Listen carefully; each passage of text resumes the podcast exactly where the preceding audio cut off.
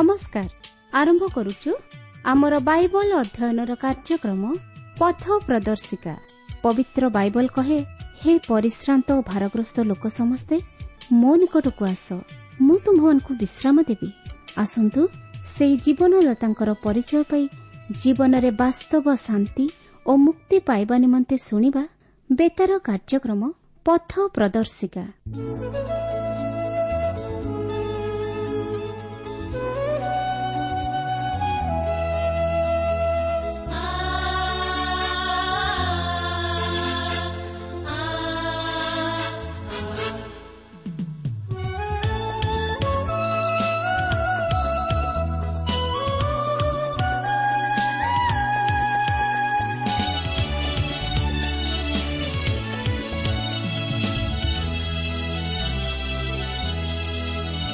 କିଏ ସୁନ୍ଦର ଠିଆ ସ୍ଥାନେ କିଏ ସେହି ମହାଜନତା ସେନାପତି ଯୀଶୁ ସୋନ ସିଂହାସନେ କିଏ ସୁନ୍ଦର ଠିଆ ସ୍ଥାନେ କିଏ ସୁନ୍ଦର ଠିଆ ସ୍ଥାନେ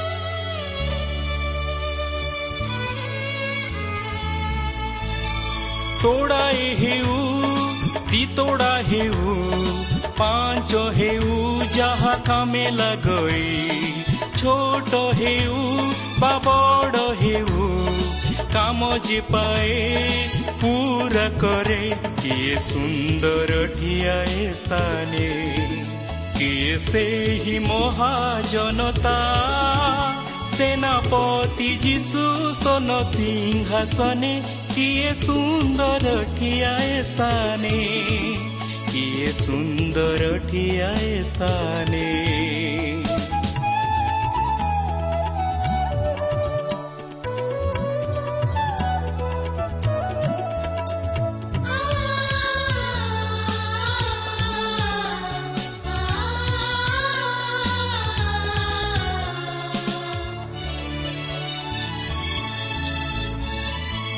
ଠିଆଏ ସ୍ଥାନେ ନିସଙ୍ଗତାରେ ବା ଦରିଦ୍ରତାରେ ଲାଜାର ପରି ଯେ ଠିଆ ହୁଏ କ୍ଷୁଧାରେ ହେଉ ତୃପ୍ତିରେ ହେଉ ବିଶ୍ୱାସକୁ ଯେ ଧରି ରଖେ କିଏ ସୁନ୍ଦର ଠିଆଏ ସ୍ଥାନେ କିଏ ସେହି ମହାଜନତା सेनापति सुस निंहासे कि सुन्दर ठिआ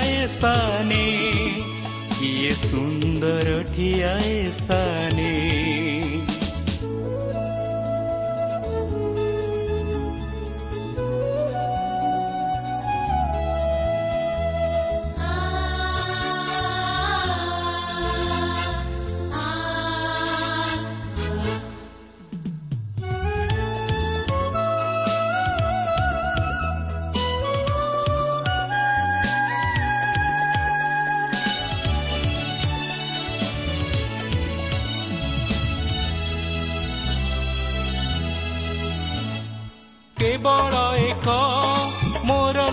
ଲାଳସା ସେହି ସୁନ୍ଦର ସ୍ଥାନେ ଠିଆ ହେବା ମୁଁ ବି ଦିନେ ଠିଆ ହୋଇବି ପ୍ରିୟ ଯୀଶୁ ମୋତେ ନିଅ କିଏ ସୁନ୍ଦର ଠିଆଏ ସ୍ଥାନେ କିଏ ସେହି ମହାଜନତା ସେନାପତି ଯୀଶୁ ସୋନ ସିଂହାସନେ କିଏ ସୁନ୍ଦର ଠିଆଏ ସ୍ଥାନେ କିଏ ସୁନ୍ଦର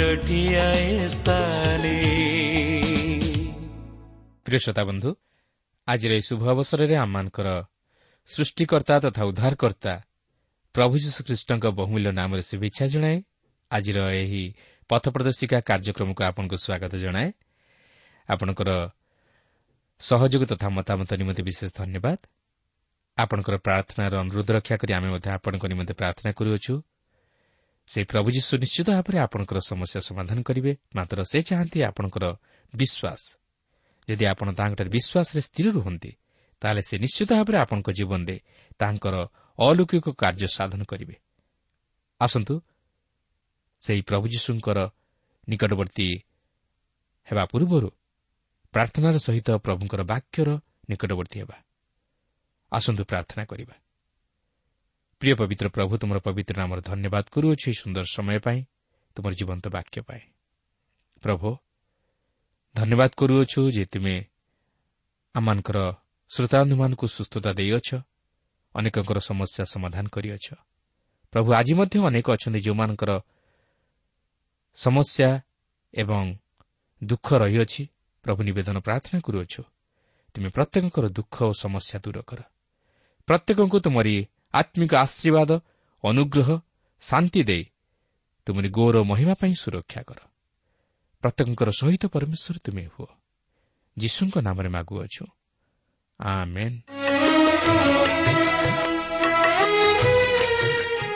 ଆସନ୍ତୁ ବର୍ତ୍ତମାନ ଆମେ ପ୍ରଭୁଙ୍କର ବାକ୍ୟ ମଧ୍ୟକୁ ଯିବା ଆଜି ଆମେ ପ୍ରଥମ ରାଜାବଳୀ ଉଣେଇଶ ପର୍ବର ପାଞ୍ଚ ପଦରୁ ଆରମ୍ଭ କରି କୋଡ଼ିଏ ପର୍ବର ତେୟାଳିଶ ପଦ ପର୍ଯ୍ୟନ୍ତ ଅଧ୍ୟୟନ କରିବା ନିମନ୍ତେ ଯିବା ତେବେ ଦେଖନ୍ତୁ ଏଲିଓଙ୍କର ପ୍ରାର୍ଥନା ପରେ କ'ଣ ଘଟିବା ପାଇଁ ଯାଉଅଛି?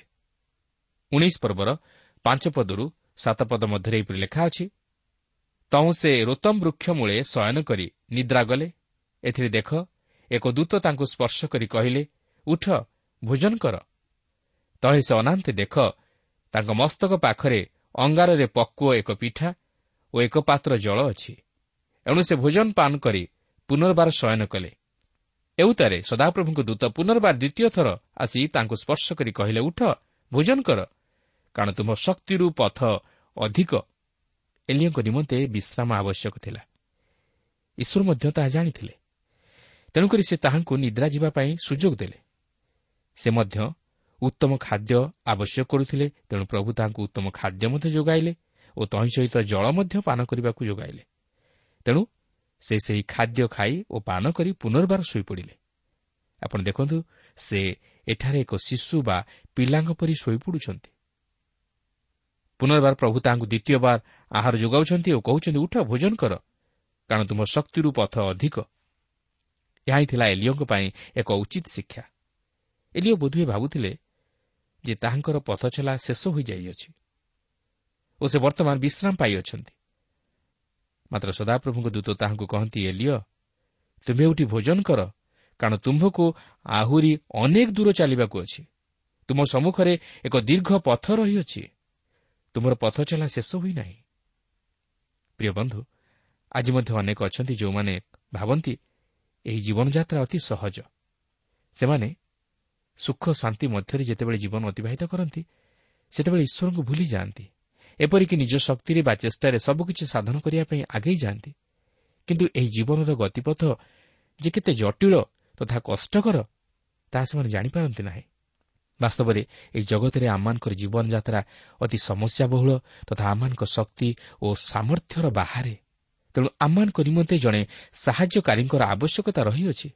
ଜଣେ ଉଦ୍ଧାରକର୍ତ୍ତାଙ୍କର ଆବଶ୍ୟକତା ରହିଅଛି ଯେ କି ସେହି ଜୀବନଦାୟକ ଆହାର ଓ ସେ ଆମମାନଙ୍କୁ ପାପରୁ ଉଦ୍ଧାର କରି ସେହି ଧର୍ମମୟ ପଥରେ କଢ଼ାଇ ନେବେ। ସେ ହିଁ ଆମମାନଙ୍କୁ ଶକ୍ତି ଦେବେ ଓ ଏହି ଜଗତରେ ଏକ ବିଜୟ ଜୀବନଯାପନ କରିବା ନିମନ୍ତେ ସାହାଯ୍ୟ କରିବେ। କାରଣ ଏହି ଜୀବନଯାତ୍ରାର ପଥ ଆମମାନଙ୍କ ଶକ୍ତିରୁ ଅଧିକ। ଦେଖନ୍ତୁ ଏଲିଓ ବର୍ତ୍ତମାନ ଭୋଜନ କରି ବଳ ପାଇବା ପରେ ସେହି ପରମେଶ୍ୱରଙ୍କ ପର୍ବତ ହୋରେ ପର୍ଯ୍ୟନ୍ତ ଚାଳିଶ ଦିନ ଓ ଚାଳିଶ ରାତ୍ରି ଗମନ କରୁଅଛନ୍ତି। ଉଣେଇଶ ପର୍ବର ଆଠ ପଦରୁ ଦଶ ପଦ ମଧ୍ୟରେ ଲେଖା ଅଛି ତହୁଁ ସେ ଉଠି ଭୋଜନ ପାନ କଲେ ଓ ସେହି ଖାଦ୍ୟର ବଳରେ ପରମେଶ୍ୱରଙ୍କ ପର୍ବତ ହୋରେ ପର୍ଯ୍ୟନ୍ତ ଚାଳିଶ ଦିନ ଓ ଚାଳିଶ ରାତ୍ରି ଗମନ କଲେ।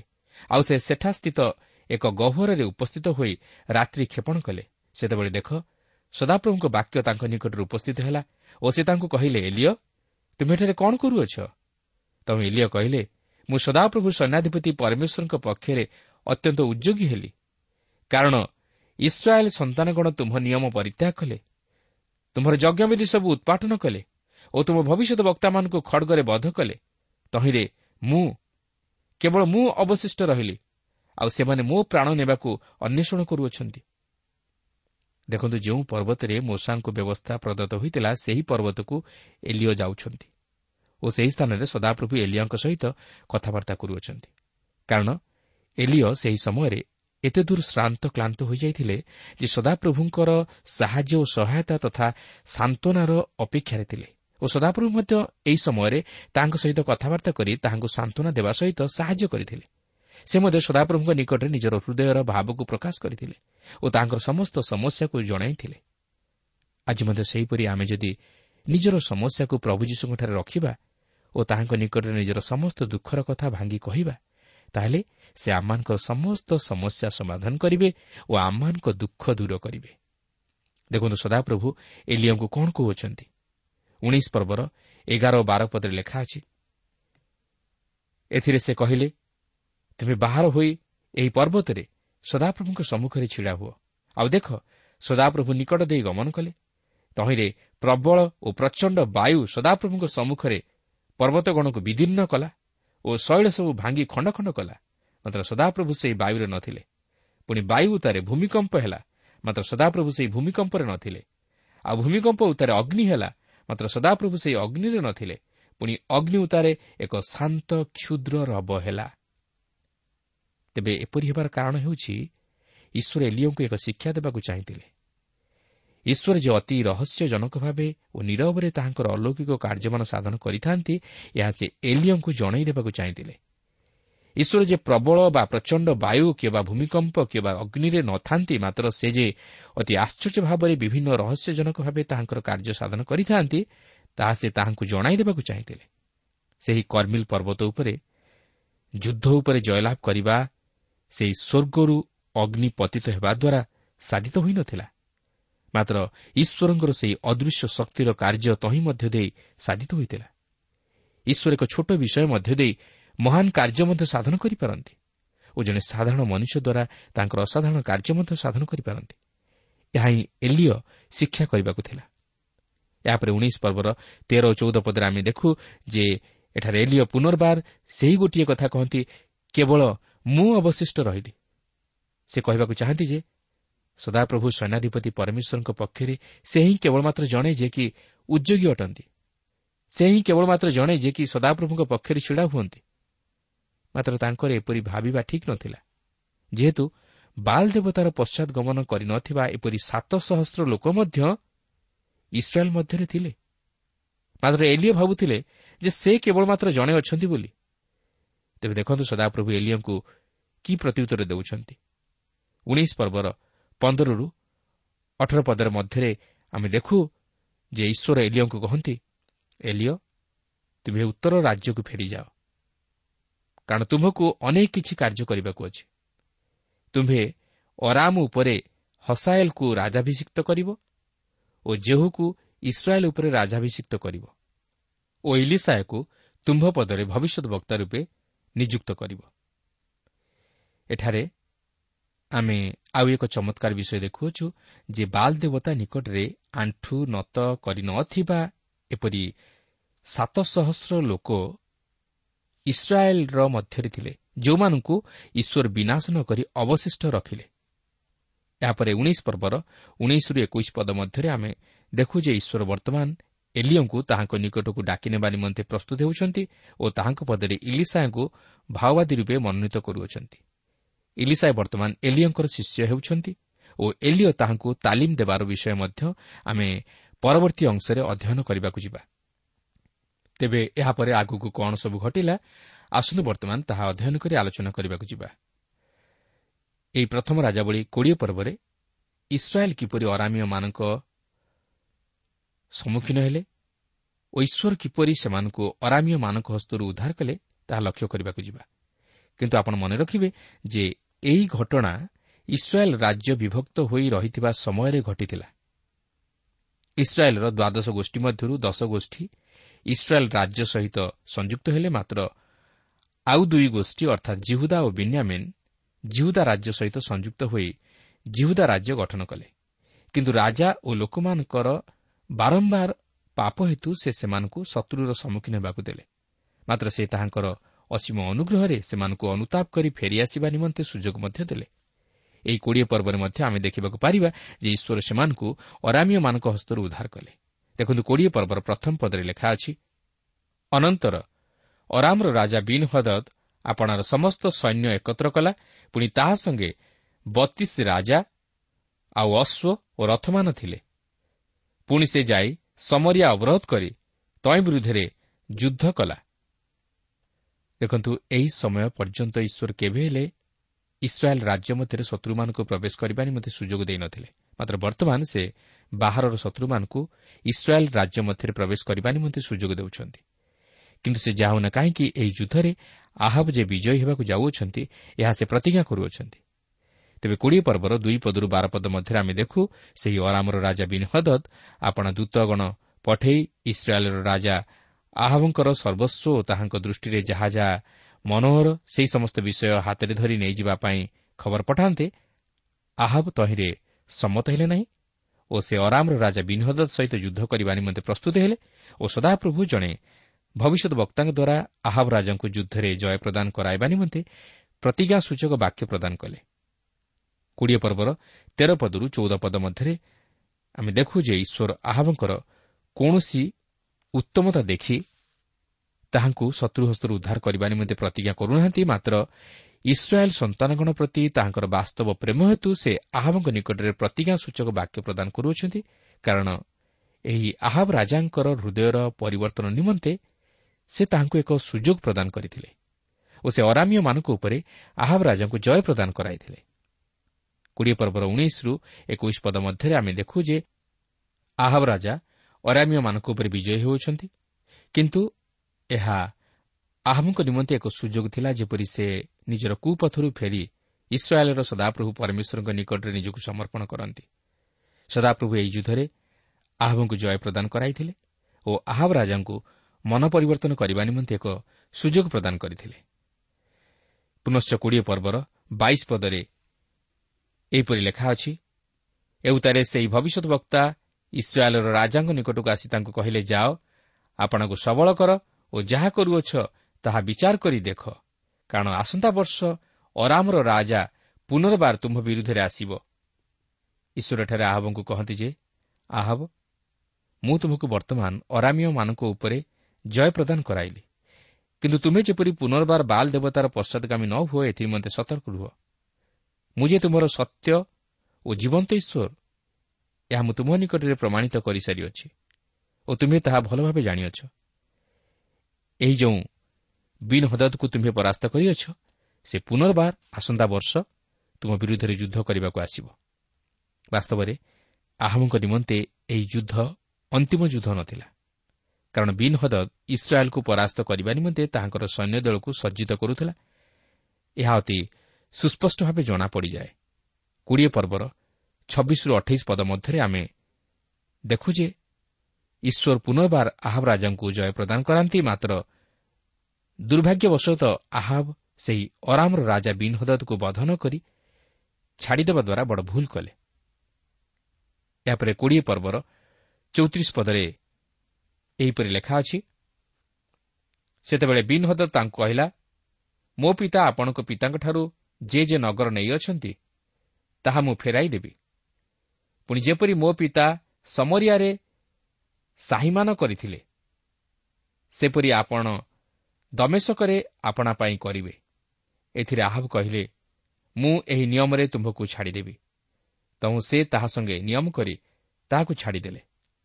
ଆହମକୁ କୁହାଯାଇଥିଲା ଶତ୍ରୁମାନଙ୍କୁ ବର୍ଜିତ ରୂପେ ବିନାଶ କରିବା ପାଇଁ। କିନ୍ତୁ ସେ ତାହା ପାଳନ କଲେ ନାହିଁ। ସେ ଅରାମର ରାଜା ବିନହଦକୁ ଛାଡ଼ି ଦେଇଥିଲେ ଯଦ୍ୱାରା ସେ ଈଶ୍ୱରଙ୍କ ଆଜ୍ଞା ଲଙ୍ଘନ କରିବାରୁ ପାପ କଲେ। ପ୍ରିୟ ବନ୍ଧୁ ପାପ ସହିତ ଆମେ କେବେ ହେଲେ ଆପୋଷ ମିଳାମିଶା କରିପାରିବା ନାହିଁ। ଈଶ୍ୱର ତାହା କେବେ ହେଲେ ଚାହାନ୍ତି ନାହିଁ। ଆଉ ତାହା ହିଁ ଆହାବ କଲେ। ସେ ଯଦିଓ ଅରାମୀୟମାନଙ୍କୁ ବଧ କଲେ ମାତ୍ର ସମୂଳେ ବଧ କଲେ ନାହିଁ। ସାଉଲ ଯେପରି ଅମାଲେକୀୟ ରାଜା ଅଗାକୁ ବଧ ନ କରି ଛାଡ଼ି ଦେଇଥିଲେ ସେହିପରି ଏଠାରେ ଆହାବ ଅରାମୀୟ ରାଜା ବିନହଦକୁ ବଧ ନ କରି ତାହାକୁ ଛାଡ଼ିଦେବା ଦ୍ୱାରା ପାପ କଲେ। ଈଶ୍ୱର ଭବିଷ୍ୟତ ବକ୍ତାଙ୍କ ମୁଖ ଦ୍ୱାରା ଯାହା ଆହବଙ୍କୁ ଜଣାଇଥିଲେ ଆହବ ତାହା ପାଳନ କରିପାରିଲେ ନାହିଁ। ତେଣୁକରି ସେ ଈଶ୍ୱରଙ୍କ ଦ୍ୱାରା ବିଚାରିତ ହୋଇ ଈଶ୍ୱରଙ୍କ ଆଶୀର୍ବାଦରୁ ବଞ୍ଚିତ ହେଲେ। ଏପର୍ଯ୍ୟନ୍ତ ଈଶ୍ୱର ଆହବଙ୍କର ସପକ୍ଷ ହୋଇ ଆସିଥିଲେ। ସେ ଆହବଙ୍କୁ ଫେରିଆସିବା ନିମନ୍ତେ ଅନେକ ସୁଯୋଗ ମଧ୍ୟ ଦେଇଥିଲେ। ମାତ୍ର ଆହବ ଫେରିଲେ ନାହିଁ। ସେ ଈଶ୍ୱରଙ୍କଠାରୁ ସମସ୍ତ ଅନୁଗ୍ରହ ତଥା ମଙ୍ଗଳଦାନ ପାଇଲେ ମଧ୍ୟ ଈଶ୍ୱରଙ୍କର ଅନାଜ୍ଞାବହ ହେଲେ। ସେ ସୁଯୋଗର ସଦ୍ବ୍ୟବହାର କରିପାରିଲେ ନାହିଁ। ତେବେ ଦେଖନ୍ତୁ ଆହମଙ୍କର ପରିଣାମ। କୋଡ଼ିଏ ପର୍ବର ବୟାଳିଶ ଓ ତେୟାଳିଶ ପଦରେ ଲେଖା ଅଛି ପୁଣି ଭବିଷ୍ୟତ ବକ୍ତା ତାଙ୍କୁ କହିଲା ସଦାପ୍ରଭୁ ଏହି କଥା କହନ୍ତି ଆମ୍ଭେ ଯେଉଁ ଲୋକକୁ ବିନାଶାର୍ଥେ ବର୍ଜିତ କରିଥିଲୁ ତୁମେ ତାହାକୁ ଆପଣା ହସ୍ତରୁ ଛାଡ଼ି ଦେଇଅଛ ଏତୁ ତାହାର ପ୍ରାଣ ବଦଳେ ତୁମ୍ଭର ପ୍ରାଣ ଯିବ ଓ ତାହାର ଲୋକଙ୍କ ବଦଳେ ତୁମ୍ଭ ଲୋକମାନେ ଯିବେ।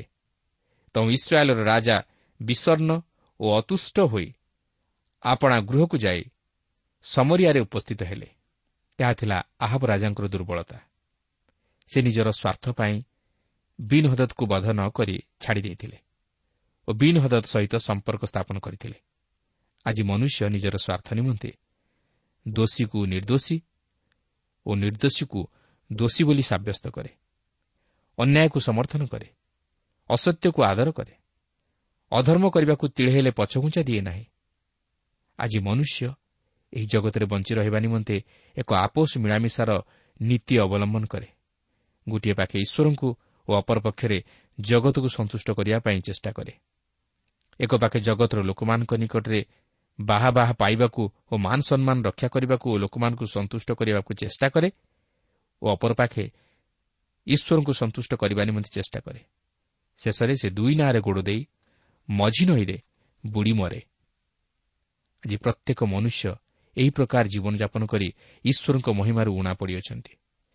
ସେମାନେ ଜଗତକୁ ଦୃଷ୍ଟି ଆଗରେ ରଖି ଈଶ୍ୱରଙ୍କର ଅନାଗୟାମହ ହୁଅନ୍ତି। ସେମାନେ ଜଗତକୁ ଉପଭୋଗ କରିବା ପାଇଁ ଚାହାନ୍ତି ମାତ୍ର ଈଶ୍ୱରଙ୍କୁ ଉପଭୋଗ କରିବାକୁ ଚାହାନ୍ତି ନାହିଁ। ସମୟ ପଡ଼ିଲେ ସେମାନେ ଈଶ୍ୱରଙ୍କୁ ଅସ୍ୱୀକାର କରିଦେଇପାରନ୍ତି ମାତ୍ର ଜଗତକୁ ଅସ୍ୱୀକାର କରିପାରନ୍ତି ନାହିଁ ଆହବ ଈଶ୍ୱରଙ୍କଠାରୁ ସମସ୍ତ ଅନୁଗ୍ରହ ତଥା ସାହାଯ୍ୟ ପାଇଲେ ମଧ୍ୟ ଈଶ୍ୱରଙ୍କ ଆଜ୍ଞାକୁ ପାଳନ କରିପାରିଲେ ନାହିଁ ମାତ୍ର ମନୁଷ୍ୟର କଥାକୁ ରକ୍ଷା କରିପାରିଲେ ଓ ମନୁଷ୍ୟ ସହିତ ସମ୍ପର୍କ ସ୍ଥାପନ କଲେ ସେ ଈଶ୍ୱରଙ୍କ ବାକ୍ୟ ଅପେକ୍ଷା ମନୁଷ୍ୟର କଥାକୁ ଅଧିକ ଗୁରୁତ୍ୱ ଦେଲେ ତେଣୁକରି ଆଜି ମଧ୍ୟ ଆପଣ ଦେଖିବାକୁ ପାରିବେ ଯେ ମନୁଷ୍ୟ ମନୁଷ୍ୟର କଥାକୁ ବିଶେଷ ଗୁରୁତ୍ୱ ଦେଇ ତହିଁରେ ବିଶ୍ୱାସ କରେ। ମାତ୍ର ଈଶ୍ୱରଙ୍କ ବାକ୍ୟରେ ସେ ବିଶ୍ୱାସ ତଥା ଭରସା ସ୍ଥାପନ କରିପାରେ ନାହିଁ। ସେ ମନୁଷ୍ୟର କଳ୍ପିତ କାହାଣୀ ବା କାଳ୍ପନିକ କଥାକୁ ବିଶ୍ୱାସ କରିଥାଏ। କିନ୍ତୁ ଈଶ୍ୱରଙ୍କର ସତ୍ୟ ତଥା ଜୀବନ୍ତ ବାକ୍ୟକୁ ଗ୍ରହଣ କରିପାରେ ନାହିଁ। ଏହା ହିଁ ହେଉଛି ମନୁଷ୍ୟର ପ୍ରଧାନ ଦୁର୍ବଳତା। ଆଜି ଅନେକ ଏହିପରି ଭାବରେ ଈଶ୍ୱରଙ୍କଠାରୁ ଦୂରବର୍ତ୍ତୀ ଜୀବନଯାପନ କରି ପାପରେ ପତିତ ହୋଇ ଈଶ୍ୱରଙ୍କ ସହଭାଗିତାରୁ ବିଚ୍ଛିନ୍ନ ହୋଇଅଛନ୍ତି। ଈଶ୍ୱରଙ୍କ ଆଶୀର୍ବାଦରୁ ବଞ୍ଚିତ ହୋଇଅଛନ୍ତି। ଈଶ୍ୱରଙ୍କ ଅନୁଗ୍ରହରୁ ପତିତ ହୋଇଅଛନ୍ତି। ଆହାବ ଈଶ୍ୱରଙ୍କ ଆଜ୍ଞାର ବିରୁଦ୍ଧାଚରଣ କାର୍ଯ୍ୟ କରିବା ଦ୍ୱାରା ଈଶ୍ୱରଙ୍କ ଆଶୀର୍ବାଦରୁ ବଞ୍ଚିତ ହେଲେ ଓ ଈଶ୍ୱରଙ୍କ ଦ୍ୱାରା ବିଚାରିତ ହେଲେ। ଈଶ୍ୱର ତାହାଙ୍କୁ ଅନେକ ଥର ସୁଯୋଗ ଦେଇଥିଲେ। ତଥାପି ସେ ଈଶ୍ୱରଙ୍କର ବହୁବିଧ ଦୟା ଓ ଅନୁଗ୍ରହକୁ ସ୍ମରଣ କରିପାରିଲେ ନାହିଁ।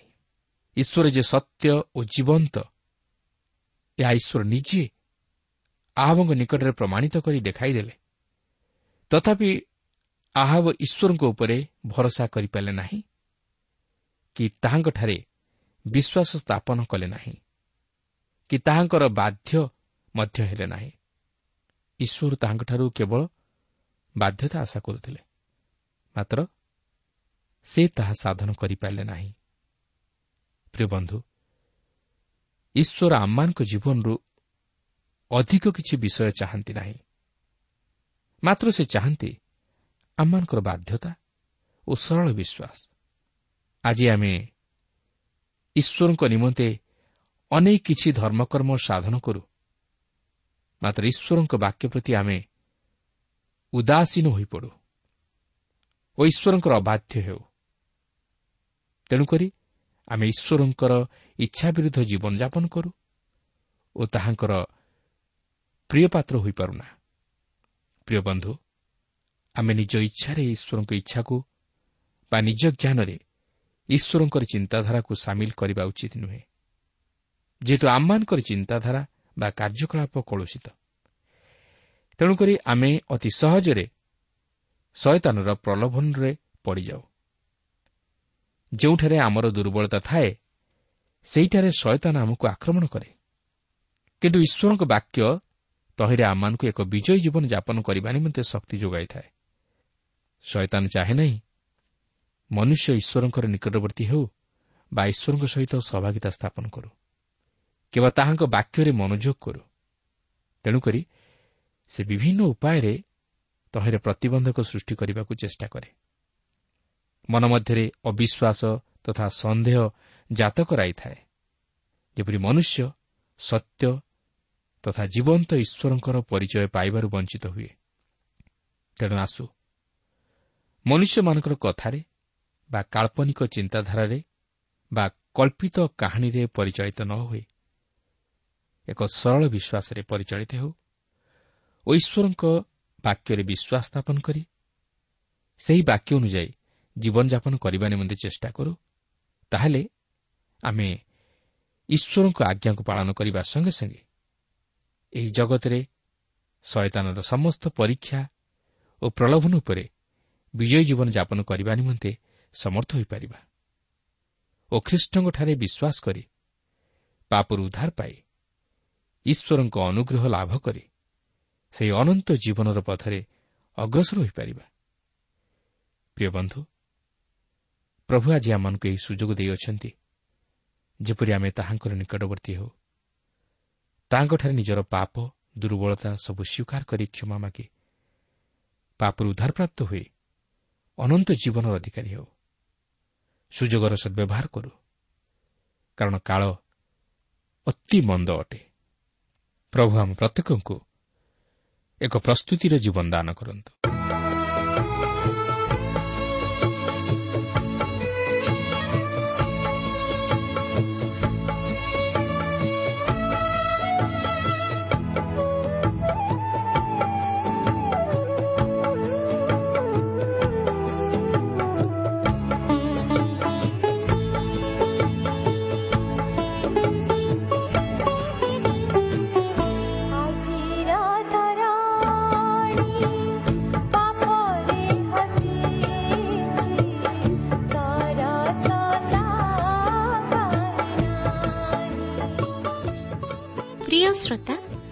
আমার কার্যক্রম নিয়মিত শুণুবার অশেষ ধন্যবাদ আপনার এই কার্যক্রম শুণবা দ্বারা আত্মিক জীবনের উপকৃত হয়ে পে বলে আমার বিশ্বাস প্রভু যীশুঙ্ বিষয়ে অধিক জাণবার আগ্রহ লে অথবা উপাদেয় পুস্তকর আবশ্যক লে আমসহ যোগাযোগ করতু আমার ঠিকনা পথ প্রদর্শিকা trans world radio India post box number তিন তিন ভুবনেশ্বর সাত পাঁচ এক শূন্য শূন্য এক mobile number nine seven double seven double two one four one five ଠିକଣାଟି ଆଉଥରେ ଶୁଣନ୍ତୁ ପଥ ପ୍ରଦର୍ଶିକା trans world radio India post box number three three Bhubaneswar seven five one zero zero one mobile number nine seven double seven double two one four one five ଆମର email ଆଡ୍ରେସଟି ଲେଖି ରଖନ୍ତୁ Odia TTV at radio eight eight two dot com ତେବେ ଆଜି ପାଇଁ ବିଦାୟ ଦିଅନ୍ତୁ